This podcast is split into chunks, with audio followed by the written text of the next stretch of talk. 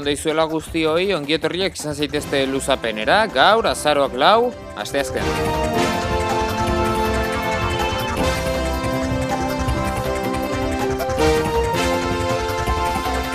Real Madridek garaipen garrantzitsua lortu zuen balde bebazen interren aurka, txapeldun ligako irugarren jardunaldian Liverpoolek utx eta bost irabazizion Atalantari, Bayernek eh, bi eta sei Salzburgi eta Borussia Mönchengladbachek utx eta sei Shakhtarri. Gaur sortzi partida gehiago. Saskibaloian, Bilbao basketek Real Madrid hartuko du gaur miribilan eta txirrindularitzan Roglic erlojupekoan nagusi segundu baten gatik eta maiot gorria berreskuratu zuen. Gaur Lugo eta zeren artean etapa berreun kilometrotik gorako.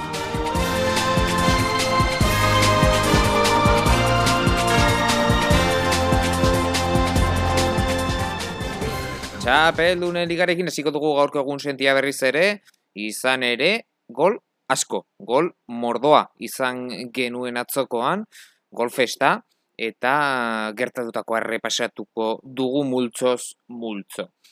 Amultzoan eh, lokomotivek bat Atletico Madridek eh, bat, eh, goizago jokatu zen partidan, Jose Maria Jimenezek buruz lortu zen Atleticoren gola, lokomotivek berdinketa lortu zuen hogeita bosgarren minutuan penaltiz, mirantxukek lortu zuen gola. Hortaz, bueno, aukera ona e, sailkapenean e, tartea handitzeko utzi zuen pasatzen atletiko, baina beste aukera bat izango du urrengo jardunaldian Madrilen jokatuko den e, partidan baita ere Lokomotiv Moskuren aurkan. Salzburgek bi eta sei galdu zuen Bayern Muniken artea e, kontra, baina esan behar dugu, e, bueno, amabi minuturen faltan, emaitza bi eta bikoa zela. Bi eta bi zegoen partida irurogeita amazortzi garren minutuan. E, Berixak aurreratu zituen Austriarrak, Lewandowskik penaltiz eta Kristensenek bereatean e, Bayernen e, bi golak lenzatian, oku gauak ez Salzburgentzat berdinketa, baina esan dugun moduan, hortik aurrera, irurogeita emeretzi garren minututik aurrera, boaten Sane Lewandowski eta Lucas Hernandezek golak, eta azkenean bi eta sei. Hortaz, e, bueno, Bayern lidergoan sendo, nagusi, bederatzi puntu, atletiko lau, Lokomotiv Mosku bi punturekin daukagu, eta Salzburg puntu bakarrarekin, printzipioz nahiko argi egon beharko lirateke lehen bi postuak, e, bueno, multzo honetan be multzoan, gol asko. Uts eta sei. Uts eta sei irabazi zuen Borussia Mönchengladbachek Shakhtar Donetski Ukranian. Al, eh, alasambleak iru gol jatrika lortu zuen eh, bondarek bereatean bat, bensebainik bat eta stindelek bat. Eta, bueno, eh, honekin eh, multzoaren lidergoa hartu du Borussia Mönchengladbachek eh, gogorazazue, Interren kontra berdinketa lortu zuela, baita Real Madrilen kontra ere, eta orain garaipena eta AC garaipena, utxe eta sei Ukranian.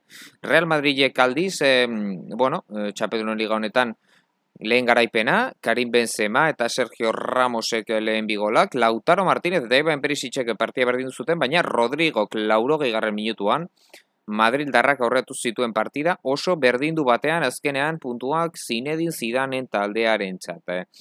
Eh. Horta ziru jardunaldiren ostean, Borussia Mönchengladbach nagusi, bost punturekin, Shakhtar Donetsk eta Real Madrilek lau dituzte eta Interrek bi, hortaz, oraindik oso irekia daukagu B multzo. Aze multzoan, Iru eta huts, amaitu ziren bi partidak, Porto Kiru, Marseiak iru, Maregak, Oliveirak penaltiz eta Diazek eh, golak, eta Manchester City kiru, Olimpiakosek utx, Ferran Torres, eh, Gabriel Jesus eta Joao Cancelo eh, gola. Kortaz, eh, multzo hau, bo, nahiko gargi dirudi Manchester Cityk bederatzi, Portok 6, Olimpiakosek iru eta Marseiak punturik ez. Eta azkenik, demultzoan, Atalantak utx, Liverpoolek bost, jatrika lortu zuen diogozotak, gol bana baita ere, Zala eta Manek eta honekin, e, bueno, lidergoa sendotu zuen Liverpoolek multzo honetan. Beste partidan, Ajaxek bat eta bi irabazizion uh, Midgilani, Antoni eta Taditxek aurretu zituzten erbere eta lehen amairu minutuetan, dreierrek bat eta bikoa amazortzi garra minutuan, eta, hortik aurrera, ezen golik egon. Bat eta bi amaitu zen eh, partida, eta Ajax eta Atalantaren arteko leia izango dugu seguruenik e, bigarren postu horretarako. Izan ere Liverpoolek bederatzi puntu, Midgilanek utx, eta erdian Ajaxek eta Atalantak lau puntu dituzte talde bakoitzak. Gaur, zer izango dugu? Ba, beste zortzi partida, E, F, G eta H multzoetako partidak izango ditugu gaurkoan. E, e multzoan, bederatzietan, Chelsea, Rennes eta Sevilla Krasnodar, e, bi partidak.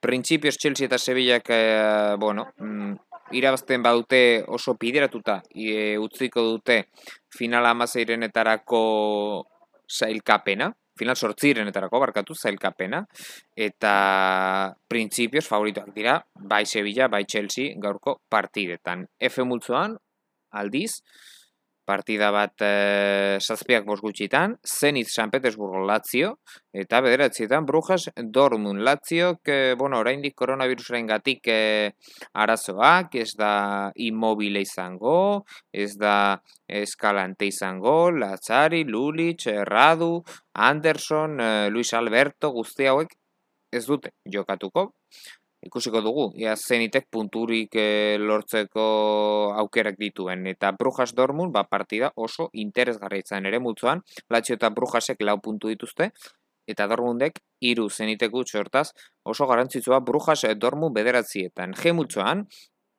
printzipioz, argi eta garbi dauzkagu bita salkatuko diren bitaldeak, Bartzelonak e, Dinamo Kiev hartuko du, eta Juventusek Ferenc Barrosen kontra jokatuko du Ungarian, ez e, lukete arazo handirik izan behar, baina ikusiko dugu, bai Juventus, bai Barcelonak eta H multzoan, saspiak gutxitan, Istanbul, Basak, Seir, Manchester United, eta bederatzietan Red Bull Leipzig, e, Paris, Saint-Germain. E, Manchester Unitedek 6 puntu ditu momentuz, Istanbul Basak segirrek utx, hortaz Unitedek irabazten badu Turkiarren abaguneak aukerak amaituko dira, eta Unitedek e, ba, abantaia hartuko du multzo honetan lidergoan.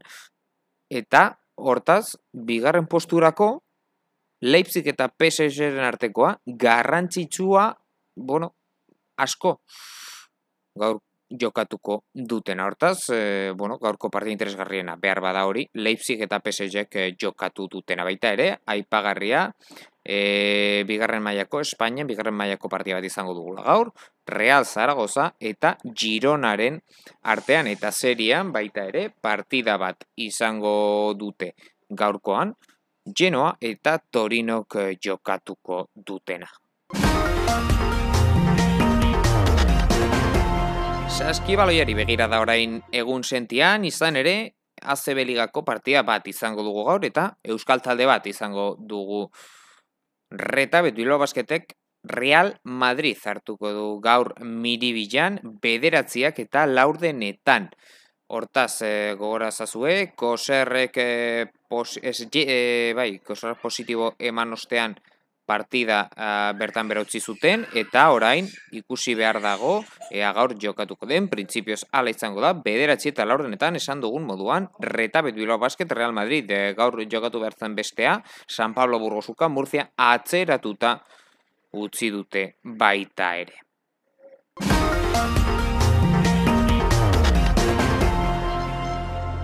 Txirrindularitzan orain E, primoz e, Roglic buruz hitzein behar dugu, laugarren etapa, aurtengo bueltan, haze, buelta haze, Espainiako itzuldia egiten ari den primoz Roglic esloveniarra. Erlojupekoa irabazi zuen atzo, segundu baten gatik, bakarrik e, William Bartarekiko, CCC, taldearen e, estatu batu harrarekiko, segundu bakarra Nelson Oliveira ez zen irugarren amar segundura, eta Hugh Carthy laugarren hogeita bost segundura. Zailkapen nagusia, atzo, izan genuen erlojupekoaren ostean, zailkapen nagusian, Primoz Roglic lidergoan, Richard Carapaz hogeita emeretzi segundura, hogeita emeretzi segundu dauzkagu Roglic eta Carapazen artean, irugarren Hugh Carthy, berrogeita zazpi segundura bakarrik, hortaz, Espainiako itzulia hiru horien artean egon beharko litzateke. Laugarren Dan Martin, minutu eta berrogeita bi segundura, eta bosgarren Enrik Mas, iru minutu eta hogeita iru segundura. Eta, e, bueno, mm, atzo e, Mikel Nieba amargarren postuen zegoen, ba, e, horren ostean, amairu garren postura jaitsi da. Mikel e, Niebe, baina e, top tenean zartzetik, bueno, e, ba, mm, bi minutura dago iaia hortaz denbora gehiegi galdu zuen atzo leitzarrak. Gaur, etapa, Lugo eta Oren Serena artean berreun eta lau kilometro izango dituzte txirrindulariak aurretik eta hiru mendate igoko dituzte hirurak e, irugarren mailakoak hortaz ez dira izango uh, bueno, ez da izango printzipioz uh, favoritoek mugitzeko modukoak baina segundu horik errekuperatu behar ditu hemendik uh, zapatura Richard Karapazek. Ikusiko dugu zer gertatzen den Espainiako itzulian. Eta amaitzeko tenisariei botako diogu begira da, jaki badakizue, Masters mila daukagula jokoan, Paris Berziko Masters e, mila, eta atzo, ba, bueno, ez, genu, ez genituen e, ez usteko asko izan. Raonitzek e, beden erira bazizio, baita Babrinkak eban zi, baita Anderson ek jereri ere, e, gasketek fritz gain zuen, eta adibidez, aipagarria baita ere, Marin Txilitxek e, mutet. Bueno, ez zuen jokatu, muteten aurka, e, ez, zuen, zen parti hori jokatu, jokatu gare, jokatu barik e, Marin Txilitx aurrera, Txitsipasek galdu zuen, hori bai ez ustekoa, unberten aurka, eta Pablo Carreñok garaipen arrotu zuen, estrufen e, aurrean, bisetetan, e, sazpi eta sei, eta sei eta bi. Gaurkoan, e, bueno, final amaseirenetarako, e, final amaseirenetarako partia gehiago, izango ditugu, adibidez, garrantzitsuena behar bada, e, izango duguna, Rafa Nadal eta Feliciano Lopezen artekoa. Ez du inoiz irabazi Paris Berzin Rafa Nadalek, faltaz ion uh, Mastersville bakarra da, eta aukera paregabea du. Aurtengoan, hortaz, baita ere, Suartzman Gasket edo Anderson Medvedek, baina seiter ditan inguruan jokatuko den Nadal Feliciano López horren uh, horren segimendua egin behar izango dugu, ikusiko dugu aurten irabazi dezakeen Paris Berzin Rafa. Nada, lekauta guztiak gaurko egun sentian, bihar berriz, hemengo, hemen izango gara txapedroen ligan, eta abarretan e, gertatutakoa kontatzeko. Ondo izan, bihar arte.